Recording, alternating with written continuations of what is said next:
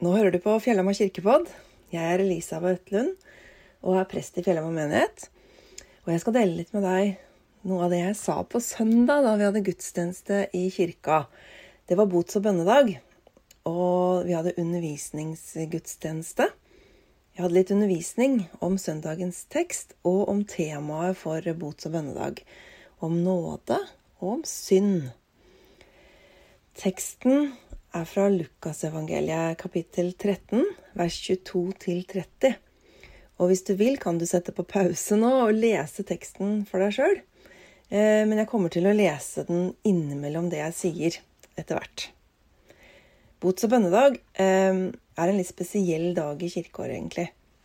Da blir vi gitt anledning til å stoppe opp, til å gå i oss sjøl som samfunn, som kirke og som enkeltmennesker. Vi kan få ta et oppgjør med det som fører oss bort fra Gud. Og vi kan bli møtt av tilgivelse, av nåde, og på nytt velge å følge Jesus. Jeg skal først si litt om eh, Lukasevangeliet, før jeg snakker om selve teksten som er for den søndagen. Lukas er det tredje av evangeliene i Det nye testamentet. Og det er også et av de tre synoptiske evangeliene. Eh, synopsis eh, betyr samsyn, og de tre synoptiske evangeliene ligner ganske mye på hverandre. Matteus, Markus og Lukas. Mens Johannesevangeliet er litt annerledes enn de tre andre. Så Lukas har også mye felles stoff med Matteus og Markus. Og vi tror at både Lukas og Matteus har brukt Markus som kilde. Men Lukas har også mye særstoff, dvs. Si at han har med mye som vi bare finner hos Lukas. Og så er Lukasevangeliet det første bindet i et tobindsverk, sammen med apostlenes gjerninger. De to bøkene er skrevet av samme forfatter, og har også samme leserkrets og teologisk særpreg. Og de er også begge adressert til en som heter Theofilus. Sammen så er Lukas og apostlenes gjerninger det største og mest omfattende verket i Det nye testamentet. Og Lukas er også det aller lengste skriftet alene. Forfatteren av Lukasevangeliet har til og med skrevet mer enn Paulus. Han har skrevet både et evangelium, og han har skrevet den første kirke- og misjonshistorien. Og Lukas skriver også på en egen måte. Han har sitt eget særpreg. Han skriver et veldig elegant gresk, og han skriver som en historiker. Han er opptatt av å plassere Guds frelsesplan inn i en verdenshistorisk ramme, ved at han f.eks. For eh, forteller at noe skjer samtidig med en kjent historisk hendelse. Og det han forteller, det skjedde på en bestemt tid i historien, vil han vise. Han er en eh, habil historiker og det har vist seg at ikke all, men så godt som all hans geografiske og historiske informasjon stemmer med arkeologiske data. Han skriver også med engasjement og med kjærlighet, og han presenterer oss for mange ulike mennesker, både rike og fattige, mektige, undertrykte, jøder, hedninger, menn, kvinner, syndere og fromme. Og så er han også spesielt opptatt av noen tema. Han viser på en konkret måte hvordan Jesus oppsøker de som er fortapt, for å frelse dem. Jeg kan kanskje si at mottoet til Lukas finner vi i kapittel 19, vers 10. For menneskesønnen er kommet for å lete etter de bortgående og berge dem. Lukas er de utstøttes evangelium, og viser også hvordan Jesus går over grenser og bryter ned barrierer for å vise veldig tydelig at evangeliet er for alle. Gud vil at alle mennesker skal bli frelst. Lukas legger særlig vekt på å få fram at Jesus behandlet de som var utstøtt i samtiden, som likeverdige, f.eks. samaritanerne. Han får også fram hvordan Jesus har en spesiell omsorg for syndere og tollere som historien om kvinnen som fikk sine synder tilgitt i kapittel 7. Hun som stelte føttene til Jesus og smurte med den dyreste salven. Og historien om Sakkeus. Den finner vi bare hos Lukas. Og om røveren på korset som blir lova en plass i paradiset. Lukas understreker også den viktige rollen som kvinner hadde sammen med Jesus den første, i den første kristne tiden. Han nevner 13 kvinner som ikke er omtalt ellers i evangeliene. Lukas løfter opp de fattige. Det ser vi i hans versjon av saleprisningene, der Matteus sier 'Salige er de som er fattige i ånden'. Så sier Lukas 'Salige er dere fattige'. Han snakker om konkret fattigdom. Han viser en kontrast mellom rik og fattig, med dom over den rike og trøst til den fattige. Og så skal jeg si litt om eh, selve teksten også, fra, i kapittel 13. Eh, Evangelieteksten den står mellom gudsrikelignelsen om sennepsfrøet og surdeigen og fortellingen om eh, fariseerne som forteller Jesus at han bør komme seg bort derfra fordi Herodes har lagt planer om å drepe ham. Så vi er midt inne i at Guds rike er i ferd med å bryte fram, og at Jesus er på vei til Jerusalem for å dø på korset. Det ser vi i det første verset i teksten, i vers 22. På reisen til Jerusalem dro Jesus fra by til by og fra landsby til landsby og underviste. Og han er på vei til Jerusalem for å dø. I vers 23-24 står det Da var det en som spurte, Herre, er det få som blir frelst? Han sa til dem, Kjemp for å komme inn gjennom den trange døren. For jeg sier dere, mange skal forsøke å komme inn, men ikke klare det.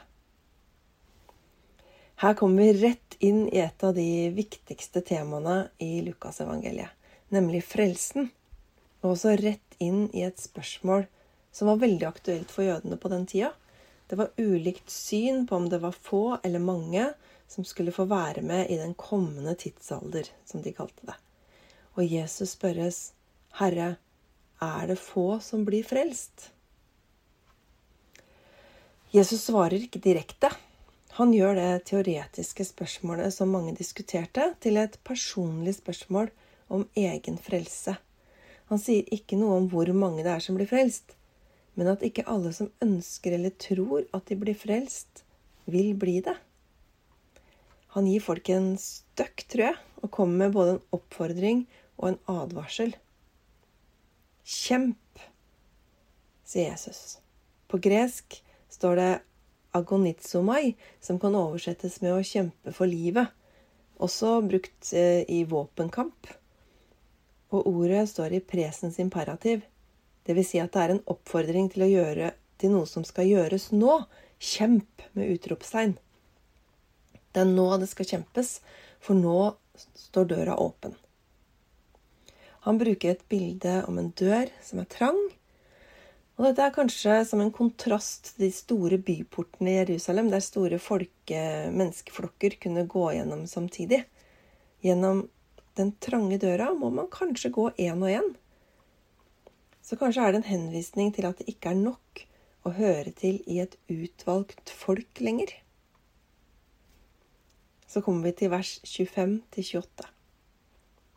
Når husherren først har reist seg og lukket døren, og dere blir stående utenfor og banker på og sier, Herre, lukk opp for oss.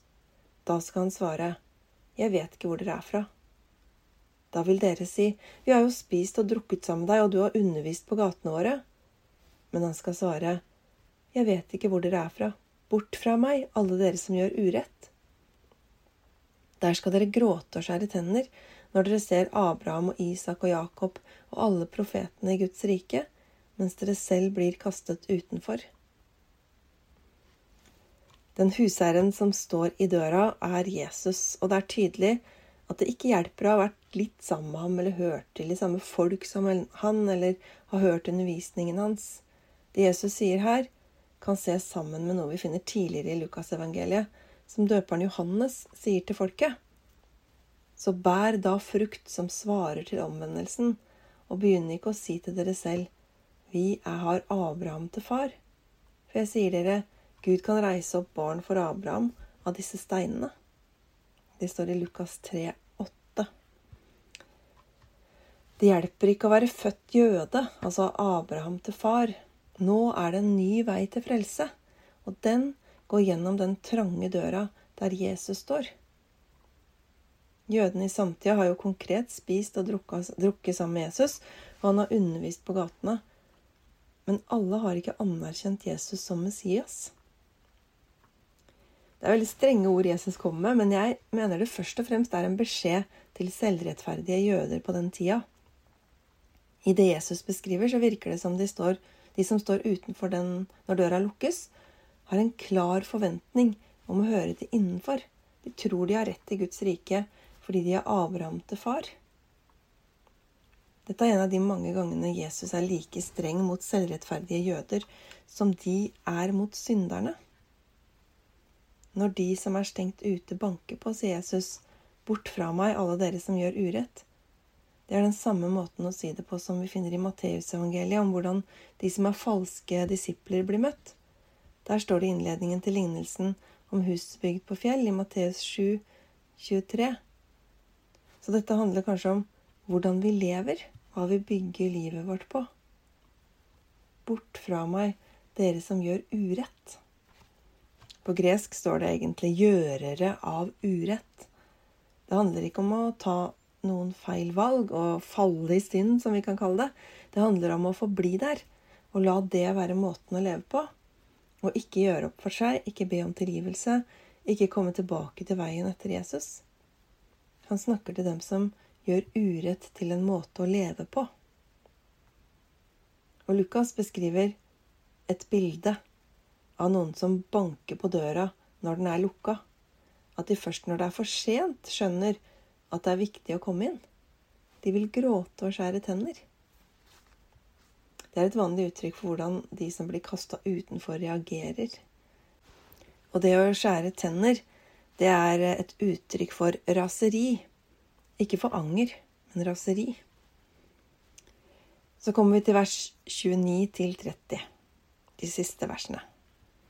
Fra øst og vest og fra nord og sør skal mennesker komme og sitte til bords i Guds rike. Da skal noen som er de siste, bli de første, og noen som er de første, bli de siste. Den første delen av evangelieteksten er streng. Den snevrer inn veien til frelse, til Gud. Døra er trang. Den er en dom over de jødiske lederne i Jesus samtid. Men disse versene til slutt de åpner opp veldig mye mer enn jødenes tro og forståelse. Det kommer tydelig fram at frelsen er for alle. Ikke bare for de troende Israels folk, men for folk over hele verden. Og hvem som kommer inn i Guds rike, det vil gå på tvers av det vi mennesker forventer.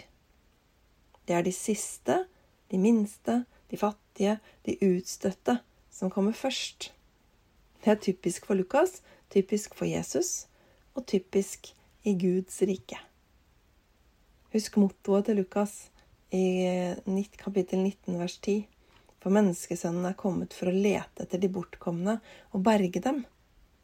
Jesus og Lukas vil få fram at Gud vil at alle skal bli frelst. Døra inn til festen er ikke stengt ennå, den er bare trang. Jesus er døra inn. Og det jeg tenker er det viktigste budskapet i den teksten, det er at veien til frelse går gjennom Jesus. Nå er det en ny tid for jødene.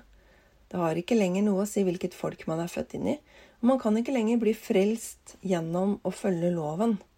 Nå er det nådens tid, og døra står åpen for alle mennesker. Fra øst og vest, og fra nord og sør. Døra er Jesus som står der med åpne armer for å ta imot alle som vil komme til ham. Som faren i lignelsen om sønnen som kom hjem igjen. Alle som innser at de trenger Jesus, er velkommen til ham som er verdens frelser. Jeg skal også prøve å si litt om hva den teksten kanskje kan si til oss i dag. Hva for noe mer den kan si til oss i dag. Eh, jeg syns den har med seg en sånn dobbelthet som eh, vi ofte kan finne i det budskapet Jesus formidler. Både det strenge og det uendelig rause. Men jeg tror det er viktig at vi ikke bare hører det ene eller bare det andre. Det er både sant at eh, døra er trang, og at alle er velkommen, og det er gratis å komme inn. Det kan være en kamp, og alt som skal til, er å ta imot. Så sammensatt er livet, og vi skal kanskje ikke alltid prøve å harmonisere alt.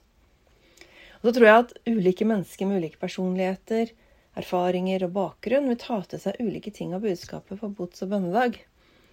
For å sette det litt på spissen, så kan vi kanskje beskrive to ulike mennesketyper sånn. Den ene har tidligere fått eh, overdose av snakk om selvransakelse og synd, og tenker mye på seg selv som et syndig menneske. Eller de kan ta på seg skylda for mye som skjer i livet deres, og bærer på mye skam. De trenger nok ikke å bli minna mer på dette med å oppdage hva som kan lede bort fra Gud. De trenger å oppdage at de ikke har skyld i alt de skammer seg over og at nåden gjelder for dem. Kanskje har de lett for å bare høre at døra er trang, og at vi må kjempe. Den andre typen kan bevisst eller ubevisst fortrenge alt de gjør som ikke er bra for dem selv og andre. Alt som leder bort fra Gud. De kan også gå med skylapper gjennom livet og ikke legge merke til hvilke konsekvenser det de gjør eller ikke gjør, har for andre. De kan ha veldig godt av å bli utfordra på hvordan vi møter det onde i oss selv og rundt oss. Kanskje de bare overhører hele budskapet i det. Det er liksom ikke aktuelt for dem. De kan heller ikke ta imot nåden, for de ser ikke at eh, de har behov for det. Og så tenker jeg at mange av oss antagelig har med oss en blanding av disse to typene. Noen mer av den ene og noen mer av den andre. Og det jeg tenker er utrolig viktig, er å se hvem Jesus snakker til i det han formidler. De han er streng mot, det er de som tror de kan frelse seg selv, og som kanskje også dømmer andre. Mens de han er raus og mild mot, er de som ikke har noe å vise for seg, de som lider, eller som ikke orker å se seg selv i øynene. Alle som innser at de trenger Jesus, kanskje. Men Jesus er heller ikke da redd for å vise forskjell på rett og galt. Det er mange eksempler på at Jesus møter mennesker og forteller dem at de er på feil vei, som kvinnen ved brønnen og Sakkeus. De er mennesker som har tatt noen feil valg, men Jesus møter dem med omsorg og kjærlighet. Det kan være stor forskjell på hvordan vi møter oss selv, hvordan vi tenker om oss selv, hvor strenge vi er mot oss selv, og hvordan Jesus møter oss. I Luthers teologi så er vi vant til å høre om lov og evangelium, synd og nåde. Det kommer alltid i den rekkefølgen. Kravene og feilene, de kommer først. Men det er ikke sånn Gud møter oss. Det er nåden og evangeliet som kommer først. Gud har elsket oss først. Jeg syns det er veldig fint å tenke på nåden som et rom som vi får leve i. For nåden er mye mer og mye større enn bare tilgivelse. Det er å leve under Guds velsignelse. Leve i et rom der Gud ser på oss med kjærlighet. Nåden er alltid først og sist. Sånn som den rammer inn gudstjenestene gjennom nådehilsen først og velsignelsen til slutt. I det rommet kan vi få leve. Ikke bare på søndager, men alltid. Vi kan elske, og vi kan feile. Vi kan bli tatt imot med hele livet vårt, og med det som er sant om livet vårt. Både med alt det fine vi er og gjør, og med alt det vi gjør som er vondt mot oss selv, mot andre mennesker, mot naturen og Gud. Så blir vi gitt muligheten til å bekjenne, til å stadig på nytt vende oss mot Gud og se at vi virkelig trenger nåde. Hvordan opplever du at Gud møter deg? Hvis du vil, så kan du sette på pause litt nå, og så kan du kjenne etter og tenke etter litt hvordan du opplever at Gud møter deg. Kan du tro at han står med åpne armer? Jeg tror at den trange døra Jesus snakker om, har noe å gjøre med at vi ikke kan komme gjennom den med det vi presterer. Men så får vi også slippe å ta med oss alt det vonde vi bærer med oss. Sjur Ishaksen han beskriver utsiden av døråpningen sånn. Der ligger millioner av ryggsekker stabla opp ved siden av en skog med krykker. Døra var for trang til at bagasjen kunne bli med inn. Noe av bagasjen var, var det godt å sette fra seg. Noe av den var det verre å gi avkall på. Men ingenting kunne tas med inn. Krykkene var bare i veien.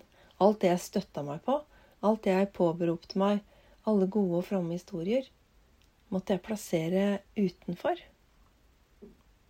Jeg tror at noe av kampen som Jesus snakker om, er å gi slipp på noe av det vi klamrer oss til, sånn at vi kan ta imot noe nytt. Ta imot Jesus, frelsen, nåden.